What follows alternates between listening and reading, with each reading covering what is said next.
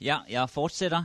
Øh, som det er øh, fremgået i det, jeg har sagt indtil nu, så fastholder øh, Kirkegaard troen på Gud. Gud som, øh, som skaber, Gud som almægtig, Gud som allesteds nærværende. Samtidig så har han så også et fokus på mennesket, på individet, på mennesket som skabt, og hvad det vil sige at være menneske. Og den måde, hvorpå han typisk øh, i sine skrifter bevæger sig fra det menneskelige til Gud, det er ved at intensivere det menneskelige. Øh, hans tanke er, at det er den vej, man må gå. Det er det, man må øh, lægge vægt på. Og øh, man ser det i strukturen i hans bøger flere gange. Det her, det er indholdsfortegnelsen for begrebet angst. Øh, man kunne også tage indholdsfortegnelsen fra afsluttende uvidenskabelig efterskrift, eller man kunne tage indholdsfortegnelsen fra sygdommen til døden. Øh, hvor han her taler, han har først noget om øh, afsøen, sådan som den diskuterede historisk set, så har han her som af, angst som afsøen progressivt, altså at den er fremadskridende. Øh, hvordan angsten har historie. Objektiv angst og subjektiv angst, altså en stigning i angsten. Angst som den synds følge, hvilket er syndens udeblivelse, så har han åndløshedens angst, altså at man ikke øh, er bevidst om at være øh, ånd og angst øh, angst dialektisk bestemt i retning af skæbne, altså en, en forøgning af bevidstheden om angsten. Angsten tager til angst dialektisk i retning af skyld. Øh, går man fra skæbne til skyld. Syndens angst, eller angst som syndens følge i den enkelte, angst for det onde, angst for det gode, det dæmoniske. Så der er sådan en stigning, intensivering i det menneskelige. Man, man møder det også, for eksempel hvis bare I læser indholdsfortegnelsen i afsluttende uvidenskabelig efterskrift, kan man se, hvordan han der taler om patos og styrket patos, kraftigere patos, eller i øh, sygdommen til døden, at han taler om fortvivlelsen, fortvivlelsens skikkelser, hvordan den tager til på forskellige måder, om man er bevidst om at have et selv, eller om man øh, er bevidst om øh, fortvivlelsen. Altså fra det ubevidste til det mere bevidste til en mere og mere kraftig øh, forholden sig til de her spørgsmål. Øh, og, og det er også det, der sker, når Gud kommer ind i hans skrifter, øh, mere øh, bevidst og beskrevet, og også når, når Kristus kommer ind. Han kan i sygdommen til døden tale om, at øh, mennesket, et selv, er, hvad man er, uafhængigt af, eller afhængigt af, hvem man er overfor. Øh, han kan tale om, at en, som bare lever på marken og vogter kreaturer, man kunne sige, at det eneste, han forholder sig til, er køer, og han bliver ikke bekræftet meget i, hvem han er, hvad det vil sige, at han er menneske, at have et selv, at være et selv. Og den her intensivering i, hvem jeg er, og mit selv, det stiger, når vi møder Gud. Og endnu mere, når vi møder øh, Kristus. Så forholdet mellem, mellem mig og den anden, og hvordan jeg bliver anerkendt, hvordan jeg bliver set, øh, fylder meget hos ham. Og øh, det, det er altså også øh, det, der sker i hans beskrivelse af forholdet mellem Gud og menneske og øh, kristendommen. Her giver jeg et citat fra afsluttende uvidenskabelig efterskrift, hvor han siger, det er lidt morsomt citat, ikke? at have Grundtvig på sin side kunne vist ingen ønske, der med bestemthed ønsker at vide, hvor man er, og ikke ønsker at være, hvor der er alarm, især når alarmen er den, den eneste nærmere bestemmelse af, hvor man er. Øh, han det er ikke så rosende ord om Grundtvig. Øh, men afsluttende uvidenskabelig efterskrift er delt op i to dele. Første del handler, har overskriften, det objektive problem om kristendommens sandhed. Den del fylder en 50 sider højst. Anden del hedder det subjektive problem om kristendommens sandhed. Den fylder over 500 sider. Så det angiver også, hvor han mener, at, øh, at problemet er. Problemet er ikke det objektive, mener han. Det problemet er det subjektive. Det er der, han lægger vægten. Øhm, Sagen er også, når han forholder sig til det, han her kalder det objektive problem om kristendommens sandhed, så bliver spørgsmålet for ham et spørgsmål om, hvordan kan man sikre sig? Hvordan kan man få vidshed? Hvordan kan man være fuldstændig sikker på, at man er i sandheden, hvis man skal bekræftes objektivt? Altså det er spørgsmål om bevis og sikker bevis. Og han forholder sig til Bibelen, han forholder sig til øh, kirkehistorien, til historien og til det, han kalder spekulationen, altså filosofien. Og han siger, at det man kan nå gennem historien, det er bare approximation, altså tilnærmelser. Man kan komme med tilnærmelser, men man kan aldrig fuldstændig sikre sig. Det kan være, at man i morgen finder noget nyt. Så man kan aldrig fuldstændig sikre sig, øh, at Bibelen er Guds ord, hvis man skal sikre sig objektivt. Modsat, siger han, kan man heller aldrig fuldstændig tilbagevise det, hvis man skal gøre det objektivt. Og det samme gælder altså kirkehistorien, og det er så det, han også, også øh, kritiserer Grundtvig for, fordi Grundtvig øh, havde den mageløse opdagelse og mente, at øh, historisk objektivt at kunne godt gøre, at den, øh, den kirke, vi forholder os til nu, er den kristne kirke, som går tilbage til apostlenes tid osv. Øh, men øh, mener Kirkegård, at hvis det skal være fuldstændig sikkerhed her, så kan vi ikke nå det. Vi må gå en anden vej. Øh, så kommer han så til øh, det subjektive problem, og det er så også fra afsluttende uvidenskabelige efterskrift, hvor han siger, det er som derimod subjektiviteten af sandheden, og subjektiviteten, den eksisterende subjektivitet, så har kristendommen, om jeg så til at sige, passet sit snit. Subjektiviteten kulminerer i lidenskab. Kristendommen er paradokset. Paradoks og lidenskab passer ganske for hinanden, og paradokset ganske for den i eksistensens yderste bestede. Ja, ikke fandtes der i den ganske verden to elskende, der således passer for hinanden som paradoks og lidenskab.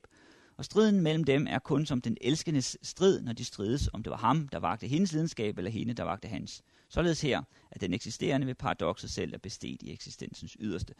Subjektiviteten er sandheden. Øh, en måde at læse Kirkegård på, som, øh, som er blevet, man kan finde i, i flere bøger, som man også kan finde hos Kirkegård selv, det er i skælden mellem æstetiker, etiker og religiøs. Den skældning møder vi også i afsluttende uvidenskabelig efterskrift. Altså med, med æstetikeren, der lever umiddelbart, som lever for nydelsen, men ikke kan få sammenhæng og kontinuitet i sit liv. Etikeren, der kommer ud af det, øh, ud af den her fortvivlelse, ved at vælge sig selv gennem valget. Etikeren opdager så, at det selv han vælger, øh, øh, har skyld i sig. Han er skyldig over for den evige magt. Han har en evig skyld for den evige magt, og den kan han ikke selv løse, kan han ikke selv komme ud af, og så bevæger han sig så over i det religiøse, hvor tilgivelsen er. Og så skældner Kirkegaard så mellem religiøsiteten A og B, hvor A er almen religiøsiteten, som man siger, at alle kan komme til ved sig selv, og så religiøsiteten B, som han kalder kristendommen, og han kalder paradoksreligiøsiteten.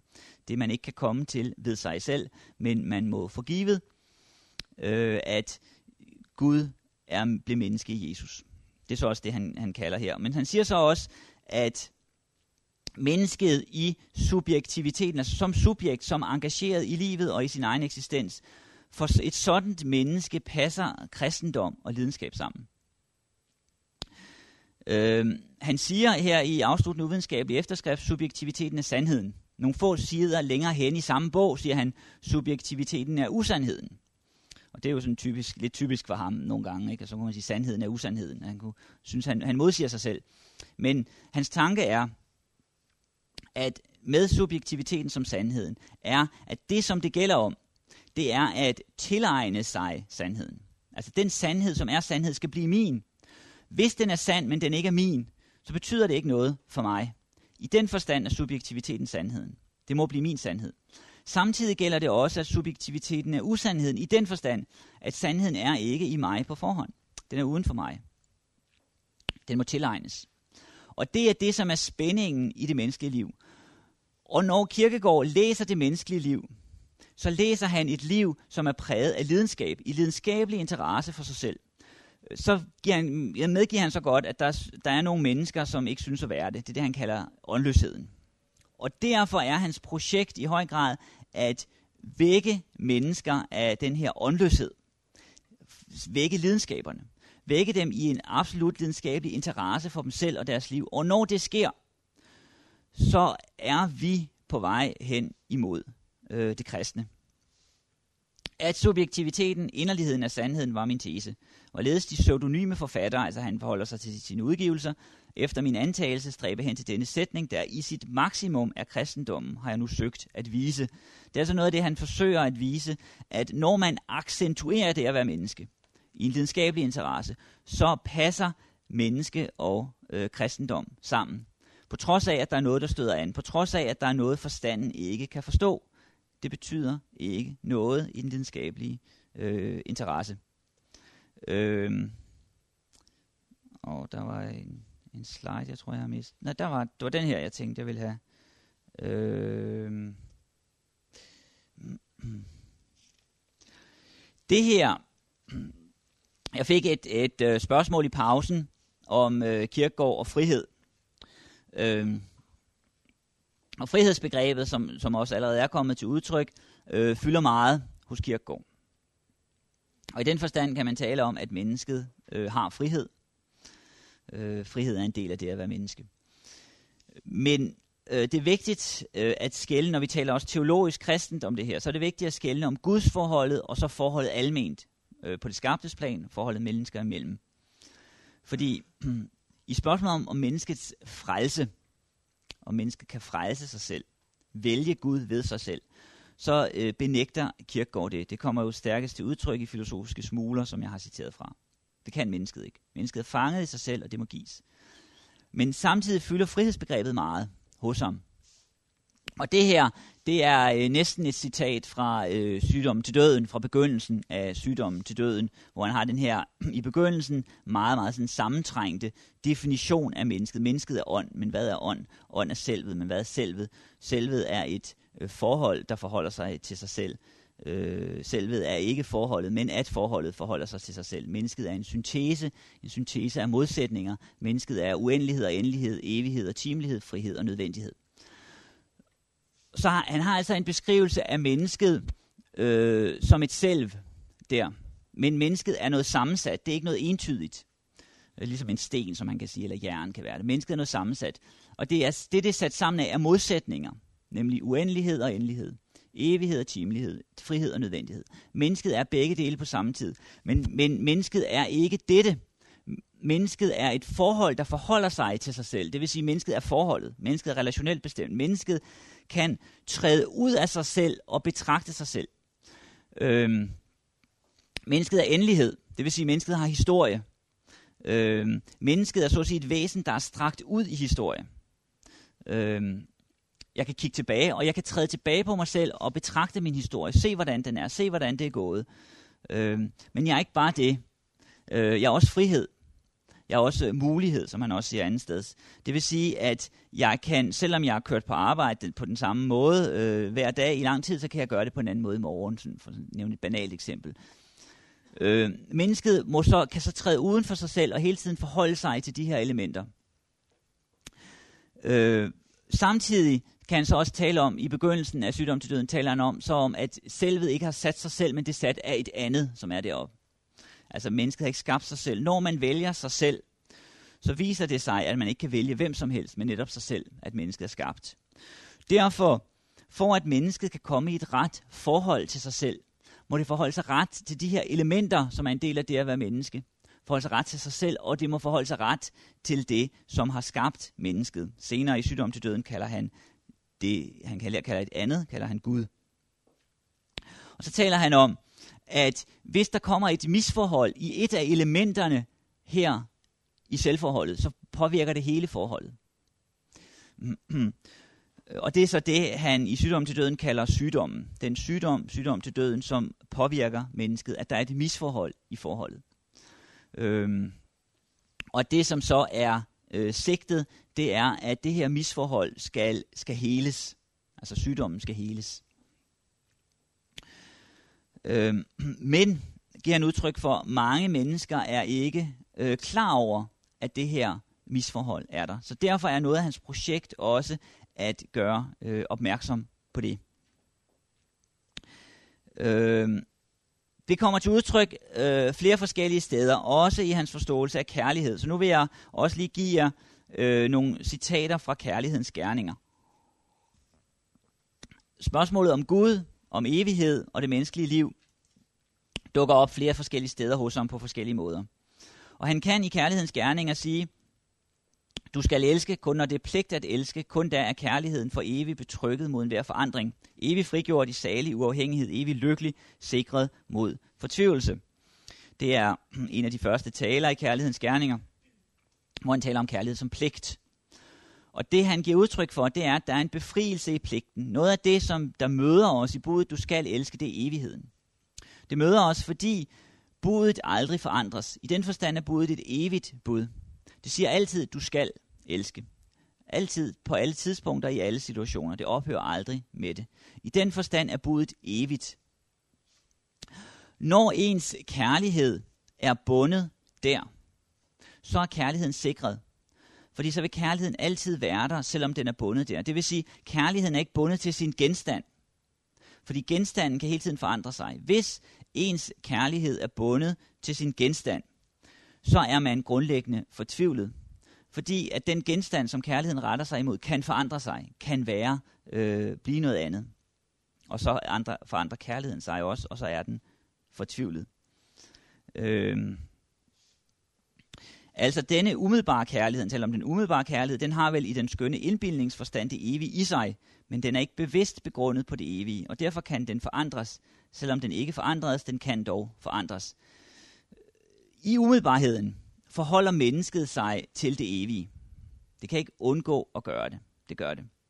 Når mennesket har en lidenskabelig interesse i noget her i verden, og det er hans tanke, at det har mennesker i udgangspunktet, har en lidenskabelig interesse i livet og i dem selv. Når mennesker har det, så forholder de sig til det evige, men det er ikke sikkert, at mennesket er bevidst om at gøre det. Men det gør det.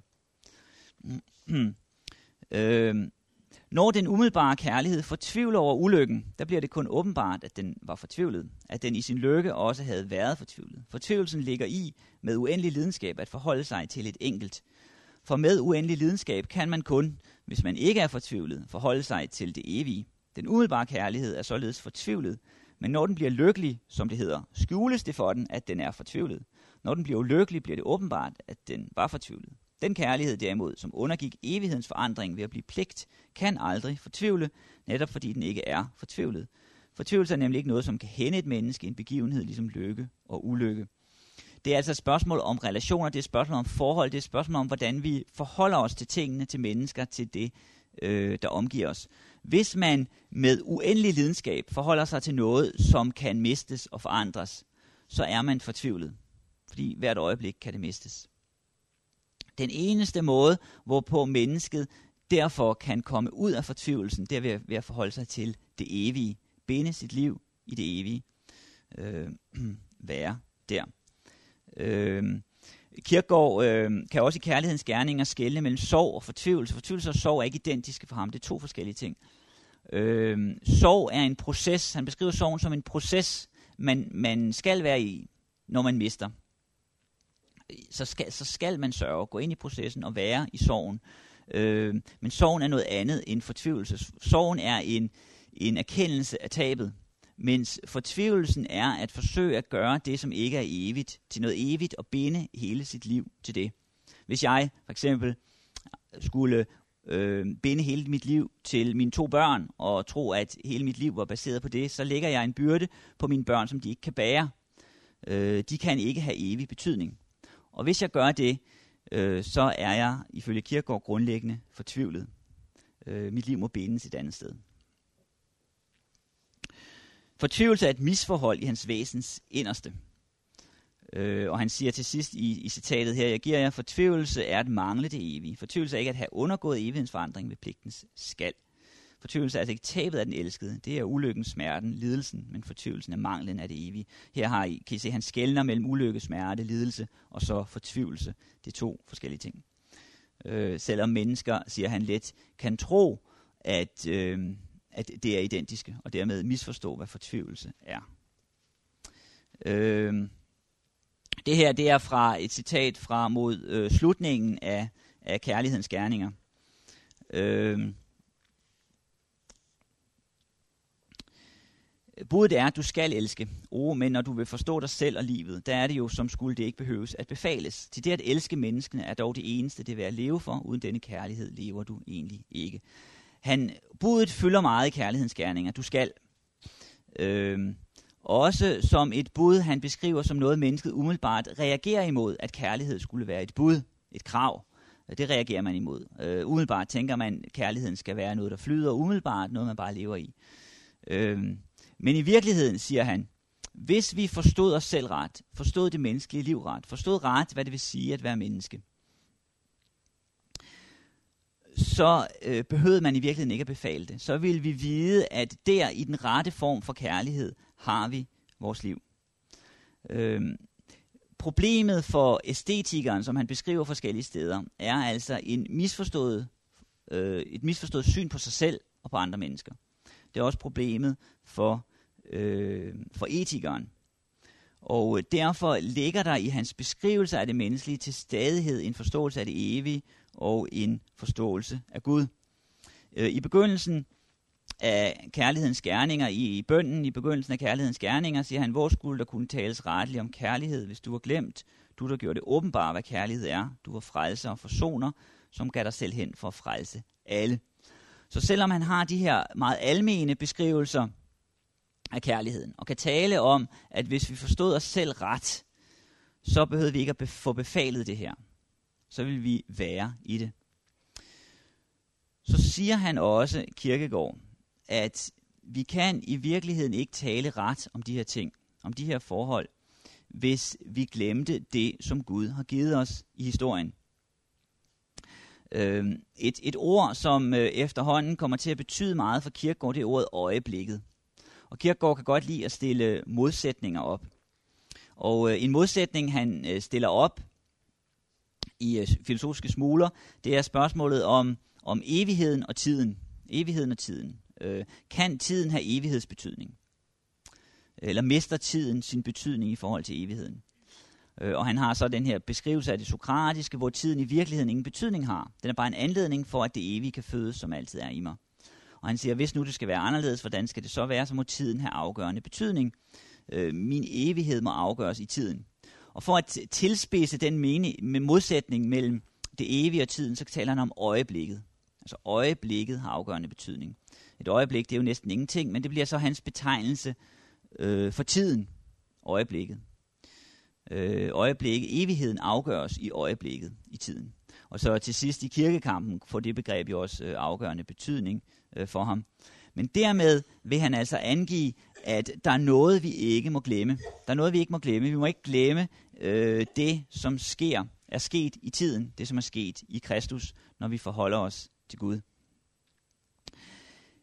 Noget, som også kendetegner Kirkegård, som jo også er kommet til udtryk i øh, de citater, jeg har givet jer, det er, at han lægger meget vægt på øh, tilegnelsen, at han lægger meget vægt på inderligheden, og han forsøger at vække mennesker for, at øh, de ikke skal sove.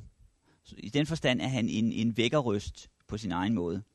Øh, han kan tale om efterfølgelse, at vi må følge Kristus efter osv. Men samtidig med, at han har de her aspekter, så kan man også hos ham finde en, øh, en kraftig nådesforkyndelse. Altså en forkyndelse af, eller en beskrivelse af, at vores gudsforhold grundlæggende set ikke afhænger af os, men af det, som Gud gør. Der, hvor det klarest kommer til udtryk, det er i hans øh, taler til aldergangen om fredagen. Han holdt øh, i Københavns Domkirke nogle taler øh, til aldergangen om fredagen, og, og han skrev så også nogle, som han ikke holdt, men som han udgav. Øh, og sådan som øh, det jo var øh, i Danmark fra reformationen og indtil begyndelsen af det 20. århundrede, det var, at hvis man skulle til nadver, så skulle man til skrifte først. Først til, til skriftemålet. Øhm, og øh, man kan gå tilbage i kirkebøgerne og se, øh, for eksempel, hvor mange gange Kirkegård har været til nadver, fordi han skulle først melde sig til skrifter, han har så været til, til skriftemål først, og det stod i, i kirkebøgerne. Og han kunne godt lide øh, de her øh, aldergangsgudstjenester, der var om fredagen i domkirken, øh, hvor, øh, hvor folk kom og var til skrifte først, og han har så skrevet nogle, nogle taler til det. Og der siger han i en af de her øh, taler til mennesker, som har været til skrifter, som skal til nadver. Alt kommer an på, at der er en anden til stede, på hvem Gud ser, i stedet for at se på dig. En anden, hvem du regner på, fordi du selv kun trækker fra. Med ham kan du ikke for alderet mødes som medarbejder, som du vel i din gerning kan mødes med Gud som medarbejder. Kristi medarbejder i forhold til forsoningen kan du ikke være, ikke i fjerneste måde. Du er helt om skylden, han helt om følelsesgørelsen. Ved alderet formår du slet intet at gøre, end ikke dette selv at fastholde tanken om din uværdighed og i den gør dig modtagelig for velsignelsen. Ak nej, du formår slet intet, end ikke ved dig selv at holde din sjæl på den bevidstheds spidse, at du ganske trænger til nåden og velsignelsen. Så her siger han, det som det i sidste hende afhænger af, er ikke os, men Gud.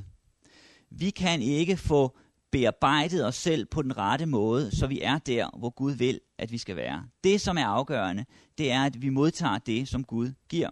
At vi i grunden er utro, at det er et hvert øjeblik i grunden af dig, der holder på os. Så selvom øh, Kirkegaard giver udtryk for, at han ønsker at være en røst til opvækkelse og inderliggørelse, som han skriver i et af, af sine skrifter, så den her opvækkelse og inderliggørelse, som han vil lægge stemme til, er en opvækkelse og inderliggørelse, som har nåden som bagtæppe. Det er hvilepunktet. Han kan tale om, at hans forfatterskab vil finde hvile ved alderets fod. Det er det, han sigter imod. Det er derhen, han vil. Hvor vi hviler i vores gudsforhold, ikke i det, vi magter, ikke i det, vi kan gøre, men i det, som Gud har gjort i øjeblikket, for at bruge hans udtryk. Øh, jeg vil stoppe her og give mulighed for kommentarer og spørgsmål. Jo, jo, ja. Hvis der er nogen. Der er god tid til spørgsmål, så jeg vil bare øh, bringe en masse øh, i spil nu. Og Jakob, han er i den situation, han ved meget mere, end han har noget at sige. Ja, han har noget at sige meget, men der er rigtig meget, han ikke har noget at sige. Så jeg kan bare spørge ham alt muligt, der har med Kierkegaard. Han ved utrolig meget. Så det skal I udnytte. Det kan være, at jeg skal lægge øh, frimodigt ud og spørge øh, lidt til, øh, til enten eller Ja, fra 1843, øh, som han så at sige, øh, ud fra hvad vi ved, øh, skriver i, i Berlin, først og fremmest skriver øh, dette betydelige skrift, som har fået meget stor global modtagelse også. Så altså, mange kender Kirkegaard, mange kender H.C. Andersen, men Kirkegaard kender de måske øh, først og fremmest igennem det skrift, der hedder enten eller. Det tror jeg er rigtigt vurderet, og som du er inde på et sted i, i noget, du har skrevet. Men, men hvilken rolle spillede den brudte forlovelse med Regina øh, i, øh, i udarbejdelsen af enten eller? altså den, det, det, det har jeg svært ved at svare på helt præcist, men det er klart, at den spiller en afgørende rolle. Men, men noget af det, som kommer med i enten eller, er noget, han allerede har skrevet øh, på forhånd. Øh, Øh, så da han tager ned til Berlin, der har han allerede øh, skrevet nogle ting, og han havde gået i nogle år og, og, og tænkt på at være forfatter og kredset om tanken, øh, haft forskellige projekter i øje. Øh, men, øh, men det er jo tydeligt, det her skrift, øh, enten eller, er, der er begreber som, øh, som valg, som vi har set, og fortvivlelse, som kommer ind, men det hele bliver sat i rammen i forhold mellem mand og kvinde. Øh, Så det er meget tydeligt, at hans eget brud med øh, Regine har spillet en, en afgørende betydning. Og han bliver jo så øh, interessant nok en fortaler for ægteskabet. Altså i anden del af enten eller. Ægteskabets æstetiske gyldighed hedder et af kapitlerne eller delene af anden del af enten eller. Øh, hvor han taler om æstetikken, der kommer igen i ægteskabet. At, øh, som ægtemanden skriver, at øh, man kan høre stu- stueuret slå og være i evigheden samtidig med osv. Øh, så, så det er klart, at det har haft en øh, igangsættende øh, betydning for hans øh, forfatterskab. Og man kan også se, samtidig med at han udgiver enten eller, så begynder han også at udgive øh, opbyggelige taler. Og øh, de første opbyggelige taler, han udgiver, eller det, så det, som kendetegner hans opbyggelige taler, det er, at han skriver i foråret, det er til hin enkelte. Og det bliver sådan en, et tema, der går igen, hin enkelte. Men han giver udtryk for senere, at den han havde i tanke i begyndelsen, da han skrev, at det her skrift var til hin enkelte, det var Regine. Øh, Regine Olsen, han tænkte på. Øh, det var hende, han, han havde i tankerne. Øh, han, øh, han bruger det så efterhånden bare som en betegnelse generelt, fordi noget, som jo kendetegner Kirkegård, øh, både en, en styrke og en svaghed ved ham, kunne man sige, det er den her meget stærke fokusering på individet og det enkelte individ øh, til, adsk- til, til forskel fra, fra, øh, fra massen, så at sige, øh, fællesskabet. Øh, og øh, Regina er jo en, han aldrig glemmer. Altså, det er ikke bare enten eller, hun fylder i, hun, hun vender jo tilbage igen og igen i, i, i bogen. Gentagelsen, der går han, øh, da han skriver den, går han jo her overvejelser om at vende tilbage til Regine. Og så finder han så ud af, at hun er blevet øh, forlovet med en anden, og så skal slutte at gentage bogen, gentagelsen anderledes, end han umiddelbart havde, havde tænkt. Øh, men han, øh, hun arver jo også alt til sidst. Der er ikke så meget tilbage til sidst, så, men altså, øh, hvad der er til sidst, det, øh, det arver hun. Så han, øh, han tænker på hende gennem hele livet, øh, og øh, øh, hun er i den forstand en, øh, øh, en del af ham. Han giver også udtryk for, at han betragter forlovelsen med hende som, øh, som gældende for ham selv resten af livet. At han er bundet af den.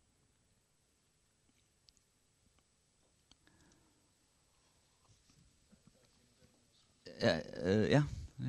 Begynd her. Ja. Og, nej, øh, Helligånden er der også svævende. øh, øh, I øh, den bøn, jeg citerer lidt fra bønnen fra begyndelsen af kærlighedens gerninger, men det var så kun Jesus, der kom ind der. Men den er tr- trinitarisk bygget op. Altså der er, hvor skulle der kunne tales retteligt om dig, hvis du var glemt? Og så kommer faderen og sønnen, og så kommer, hvis, hvor skulle der kunne tales retteligt om dig, hvis du var glemt? Du, øh, Helligånd, som gør øh, det åbenbare og så videre. Altså, øh, så, så Helligånden er der, men, øh, men øh, han har ikke nogen øh, udfoldet Helligånds teologi.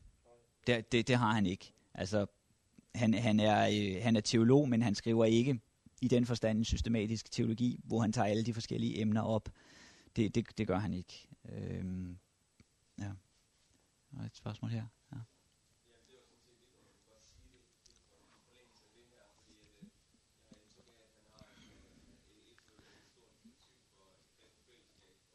Nej.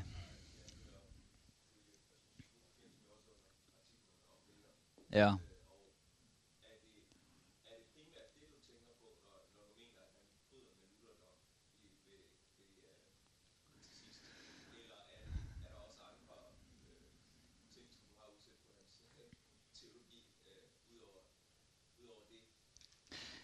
Ja, jeg har noget at udsætte på ham, men, men, øh, men, men øh, ja, det er ikke nødvendigvis noget at udsætte på ham, at han bryder med Luther. Altså, der, der, der er også ting, jeg kunne kritisere ved Luther, altså fra den trælbundne vilje. Så, så, men men øh, øh,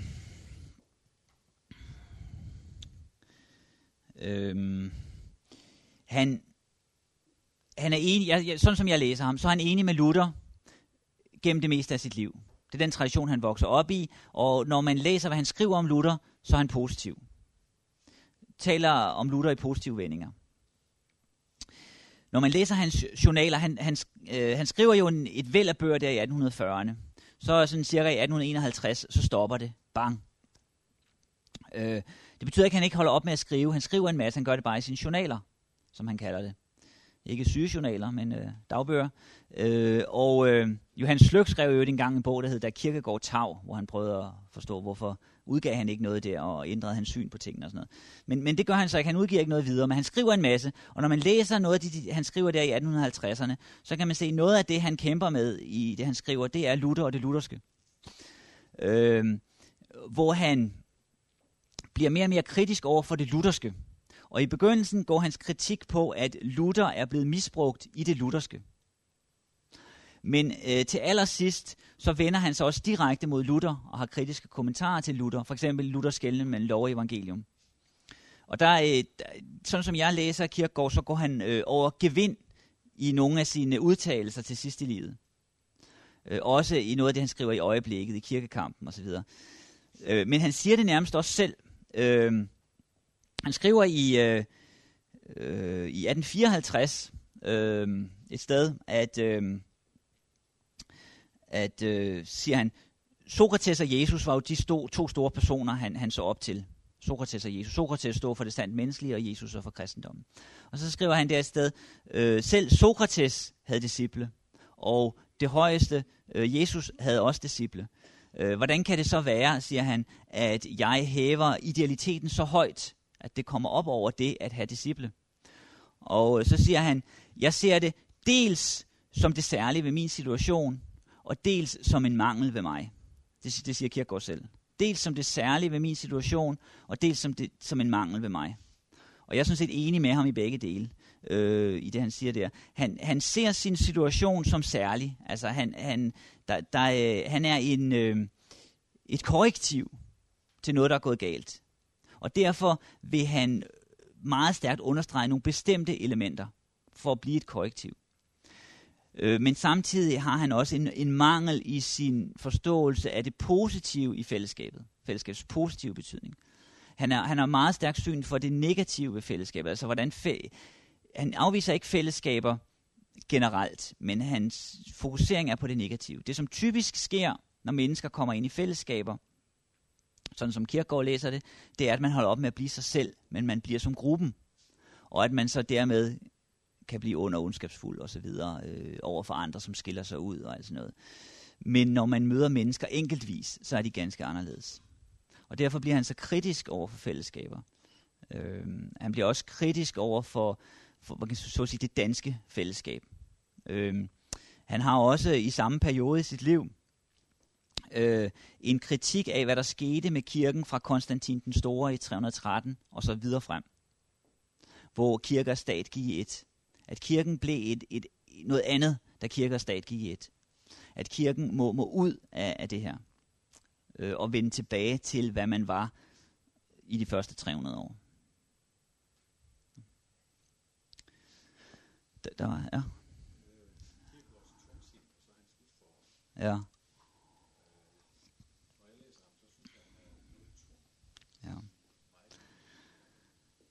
Ja. Ja. Altså, jo. Øhm. Jeg har boet i England en del år, øh, hvor jeg, sk- jeg skrev en Ph.D. derover, og, øh, og, og det, det som nogle kommentarer jeg også nogle gange fik fra folk der, når de hørte, at jeg beskæftigede mig med Kirkegaard, det var også det, var ligesom det billede, nogen havde, hun havde læst ham, at han var sådan tungsindig. Øh, og, øh, og når man ser på mange af de begreber, han beskæftiger sig med, angst, fortvivlelse og sådan altså det er jo ikke øh, højstemte, sådan lette begreber, ikke? Det, det er lidt tungt. Øhm, samtidig synes jeg jo også, at der er en lethed over ham. Altså det, for eksempel hvis man læser første del af enten eller, altså det, han kan være utrolig morsom. Og der kan, der kan være en, en lethed, sådan et, et sprogligt overskud også, som hvis man læser dele af gentagelsen, dele af, for eksempel, han skriver en bog, der hedder Forord. Meget morsom, synes jeg. Øh, den, den, handler, den består bare af forord. Den handler om en mand, der gerne vil være forfatter. Øh, men øh, hans kone var imod det. Han mente, han, hun mente, at det at være forfatter var et form for, øh, var et form for ægteskabsbrud, fordi så ville han gifte sig med bøgerne i stedet for med hende. Så det var at være utro at være forfatter. Så han, hun ville ikke have, at han skulle være forfatter. Så han skrev bare forord. Så han skrev en masse forord til forskellige bøger, han gerne ville udgive, men øh, han udgav aldrig bøgerne, fordi det måtte han ikke. Men han udgav så de her forord det, den synes jeg er meget morsom. Så han har, han har sådan nogle øh, forskellige øh, morsomme ting. Øh, men, men det er rigtigt, der er også det andet. Han siger selv, at han er tungsindig. Ikke? Han øh, skriver øh, der i synspunktet for min forfattervirksomhed, altså jeg blev strengt og alvorligt opdraget i kristendom. Menneskeligt talt afsindigt opdraget. Den tungsindige olding lagde byrder på mig, som han ikke selv kunne bære. Og det er hans far, han taler om. Ikke? Hans far var, han var vel 56, da Kierkegaard blev født, og han var tungsindig. Øh, han, havde, øh, han, han havde en overbevisning om, at han havde begået en synd, som forfulgte ham resten af livet, som han ikke kunne glemme. Og øh, da børn, han fik syv børn, og de begyndte at dø efterhånden, de forskellige, og så havde, var han sikker på, at det var Guds straf på grund af en synd, han havde begået. Gud ville tage dem fra ham, alle børnene, han ville overleve. Faren havde en overbevisning om, at hele familien ville dø. At han ville overleve dem alle sammen. Øhm, og han betroede sig også til Kirkegaard, øhm, og Kirkegaard blev, præget, blev præget af samme. Han havde, ikke, han havde en forestilling om, at han ikke ville blive gammel. Da, da Kirkegaard blev øh, 34 år, så skulle han ned i kirken og kigge i kirkebøgerne for at se, om det virkelig var rigtigt, at han nu var 34, fordi det troede han ikke på, at han ville blive. Øh, så øh, han, øh, altså, der, der var noget specielt i den familie. Øh, så, så det er rigtigt, der, der er øh, nogle elementer af... Øh, øh, ikke den glade kristendom, kunne man sige. Øh, men der er også elementer af, det, af noget andet. Øh, det, han kan for eksempel også skrive i afsluttende udvidenskabelig efterskrift, at øh, det er, det er udtryk for gudsforholdet af morser, for eksempel. Ikke? Altså han tilskynder til morskab og sådan noget. Det skulle man måske ikke tro, men det gør han. Øh, han har en stærk, øh, han taler meget om mar- himlens fuglen under himlen og liljerne på marken, om det ubekymrede liv at, at det er idealet for ham. At det er det, vi kaldes til af Gud. Det ubekymrede liv. Ja, det kan godt være. Ja, det er nok rigtigt, ja. ja. Ja, han beskriver humor som et overgangsstadie fra det etiske til det religiøse, og ironi som et overgangsstadie fra æstetikeren til det etikeren. Ja. Jørgen Henrik?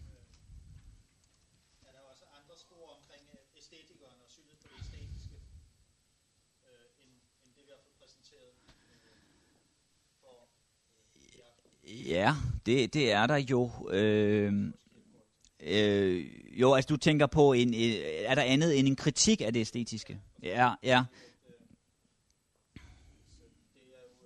Det er jo fokus, den der bevægelse Jo, fra, fra æstetikeren til etikeren, og, og så også på vej over i det religiøse. ja. Men kommer der andre nuancer på, på æstetikeren senere hen? Jamen det, det, det er der allerede i enten eller, men altså øh, æstetikeren, den æstetiske figur i første del af enten eller, er jo som sige ren, rendyrket. Altså det er en, der lever for umiddelbarheden og så videre. Men i anden del af enten eller, der er et af delene, øh, som jeg også sagde tidligere, hedder ægteskabets æstetiske gyldighed. Og der taler han om, at æstetikken vender tilbage, og han har sådan lidt en, en øh, heliansk beskrivelse af det. Filosofen Hel talte om, at når noget bliver ophævet, så bliver det hævet op på et højere niveau og bliver indtaget, bliver en del af det større. Og på lignende måde kan han beskrive æstetikken som noget, der bliver ophævet, hævet op og bliver en del af noget større. Så æstetikken øh, i anden del af enten eller vender tilbage, men får en anden rolle, får ikke den der altdominerende rolle, øh, men kommer til at tjene det etiske. Øh, og man kan jo sige, at øh, øh, Kierkegaard har selv sans for øh, det æstetiske i sproget. Det hylder han meget og bruger selv øh, meget dygtig til det, og hylder også det danske sprog, og, og, så, øh, og også meget selvbevidst om, at han er god til det. Øh, så i den forstand øh, øh, er, er det æstetiske der hele tiden, men, men øh, han er jo kritisk. Der er en kritisk faktor, altså, og det jo, hænger også sammen med, at han bruger øh, begreberne på en bestemt måde, fordi han godt kan lide at skærpe nogle pointer. For eksempel siger han i Kærlighedens Gerninger, digteren er ingen kristen. Digteren er ingen kristen. Øh, og det er jo provokerende. Øh, og så taler han så om den gudelige digter. Hvad så med den gudelige digter? Men så siger han, for så vidt den gudelige digter er gudelig, er han ikke digter. Og det er fordi, at øh, han forstår, digteren der bliver også forstået som sådan en, ideel ty, sådan en idealiseret type, som en, der ikke lever livet, men digter bare om det. Han, han, han lever det ikke selv, men han står på afstand, og er i den forstand digter. Og i den forstand kan man ikke være kristen og digte sit liv, men man må selv leve det. Øh, Øhm, eller man må lade sig digte, som han også siger nogle steder.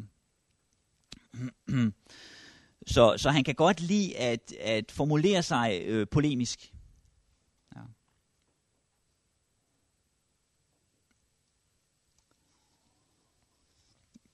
Ja. Ja. Ja. Ja. Nej. Nej, det var fordi, jeg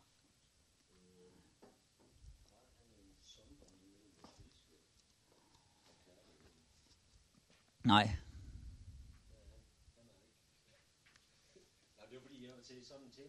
Ja. Ja. Ja.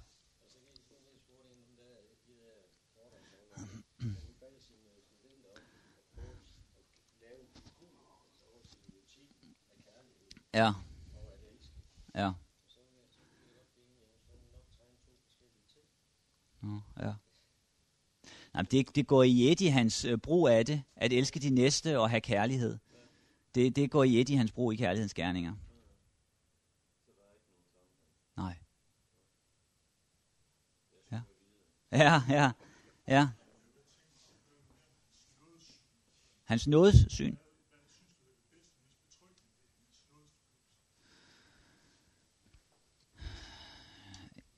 Ja, men altså hans, hans syn på nåden, altså på Guds nåde.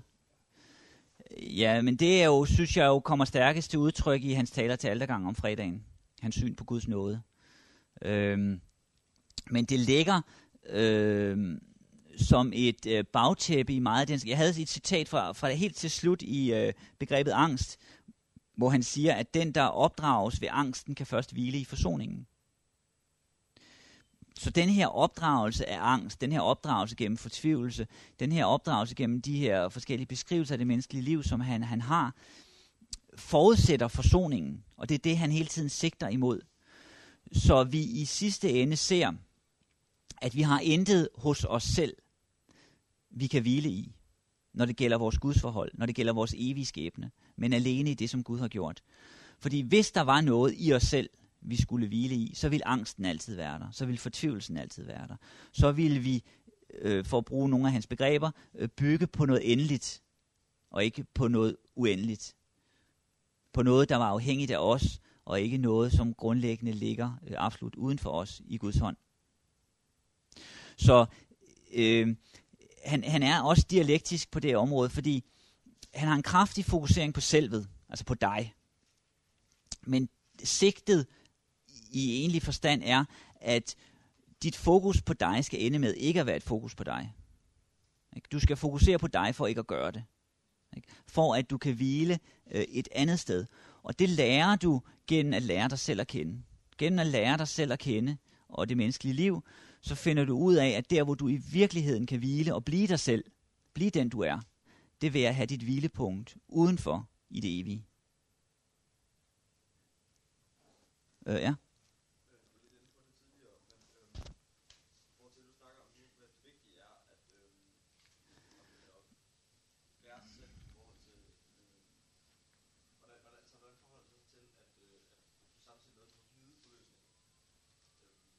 At, at hvad? At man skal... Ja. Nej. Tilegner dig. Ja. Jo. Øh, det hænger sammen. Hvis, hvis, hvis du ser den, lad mig prøve at, at tage øh, den her øh, skitse, jeg prøvede at lave her fra øh, øh, sygdom til døden. Øh, mennesket er et forhold. Øh, mennesket har ikke sat sig selv, eller skabt sig selv, men er et andet, som han siger i begyndelsen, ikke øh, Gud. Øh, og så er det sammensat af de her ting. Så taler han om, at hvis der kommer et misforhold et sted i forhold, så påvirker det hele forholdet. Hvis jeg forholder mig, han, han giver mange forskellige eksempler på det i sygdommen til døden, øh, som han siger, reflekterer over de her elementer, som er det. For eksempel siger han, øh, deterministen, deterministen, som tror, at alt, alt, alt er forudbestemt. Han fortvivler, fordi alt er forudbestemt. Tilværelsen lukker sig om ham. Hvad har han brug for? Øhm, han, er, han, han lever bare i nødvendigheden. Det han har brug for, det er frihed. Friheden løser op og hjælper ham ud af fortvivlelsen. Fantasten, fantasten, som tror, han har uanede muligheder. Han kan alt. Som bare lever i det her. Hvad har han brug for? Han har brug for nødvendigheden. For at leve ret, for at forholde sig ret til sig selv. Det menneskelige problem er, at der er kommet et misforhold ind i det her forhold. I måden, vi forholder os til andre mennesker på, til os selv på, til de ting, der omgiver os til den verden, vi er sat i.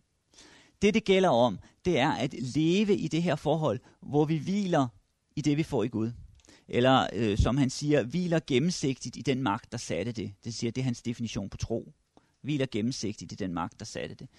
Øh, så grundlaget er, at alt bliver givet.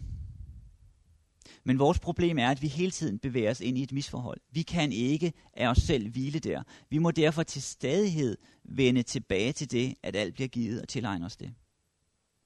Uh, han, han kan tale om, at i åndslivet er der aldrig stillstand. Det vil sige, det som er vundet på et tid, mennesket er åndslivet, så han mennesket, mennesket som ånd. Og øh, det man har tilegnet sig som menneske, må man til stadighed bruge for at være i. Det vil sige, at den her tilegnelse af hvilen må noget, vi til stadighed må være i, og vi igen og igen falder ud af. Gi- giver det mening? Ja. Ja. Ja.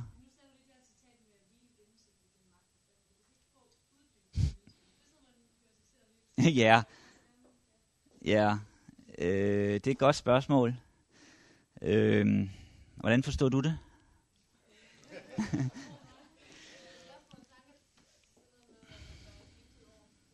Ja.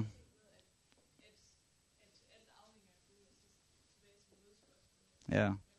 Jeg synes, jeg synes det, er, det er et godt spørgsmål. Altså, det er et svært spørgsmål, fordi han, han siger, det er hans, det siger, i sygdom til døden siger han, det er hans definition af tro. Og, men han øh, definerer det så ikke. Så man, når man skal finde ud af, hvad mener han med det med at hvile gennemsigtigt, så må man prøve at se, hvad han ellers siger. Han, han, han siger noget lignende i enten eller, i anden del af enten eller. Spørgsmål om gennemsigtighed. Noget han så siger modsat i øh, sygdom til døden, det er, at mennesket dunkelt, taler han så om, dunkelt hengiver sig til noget andet. For eksempel, øh, mennesket kan, øh, men, hvem man er som menneske er, hvem man er som selv er, hvem man er overfor. For eksempel, børnene siger han, har typisk forældrene som dem, de spejler sig i og binder sig til. efterhånden som de bliver større, så får de andre, som bliver en del af deres øh, verden. Øh, det kan være vennerne, det kan være øh, staten, øh, det, det kan være noget andet. Og øh, det som han, så kan han beskrive det sådan, at mennesket dunkelt hengiver sig til de her kræfter. For eksempel ser staten, den danske stat, som det, der definerer, hvem jeg er. Og man ser på regeringen eller folkeflertallet, eller, eller hvem folkeflertallet er noget, han godt kan lide at opponere imod. At man så dunkelt hengiver sig til det. Så jeg, jeg er, hvem jeg er, i forhold til, hvad flertallet i Danmark mener, at jeg skal være. Hvis jeg, hvis jeg lever på den måde, så hengiver jeg mig dunkelt til noget andet. Så det er dunkelt, hvem jeg er. Øhm, gennemsigtigt at hvile i Gud, forstår jeg som et nådesbegreb. Forstår jeg som et nådesbegreb i, at, at øh, øh, jeg lader Gud bestemme, hvem jeg er. Jeg forstår det ikke sådan. Man kunne jo læse det sådan, at jeg så fuldstændig skal forstå mig selv. Ikke? Hvis jeg er gennemsigtig over for mig selv, så skal jeg forstå mig selv fuldstændig, ikke, hvis jeg er det. Det tror jeg ikke er Kirkegaards pointe. Øh, fordi det giver han udtryk for andre steder, at der er en begrænsning i den menneskelige erkendelse, også i den menneskelige selverkendelse. Men jeg tror, at det står som det gennemsigtigt at hengive sig. Det tror jeg er en modsætning til det dunkelt at hengive sig til staten, til vennerne, til hvem det nu er, man, man relaterer sig til. Ja, ja. Ja, ja. Ja.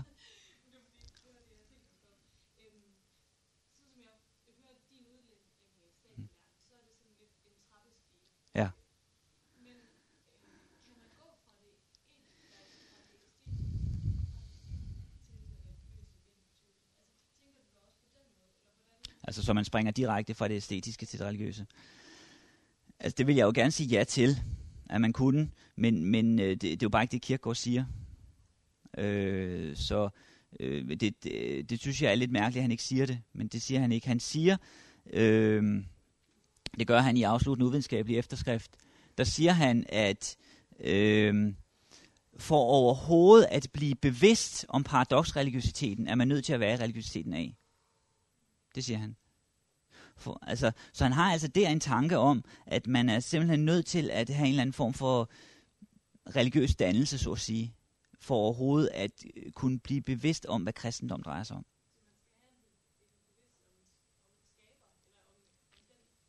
Man skal have en bevidsthed om skylden. Skylden, skylden skal, skal, skyldsbevidstheden skal, skal være en del af ens liv.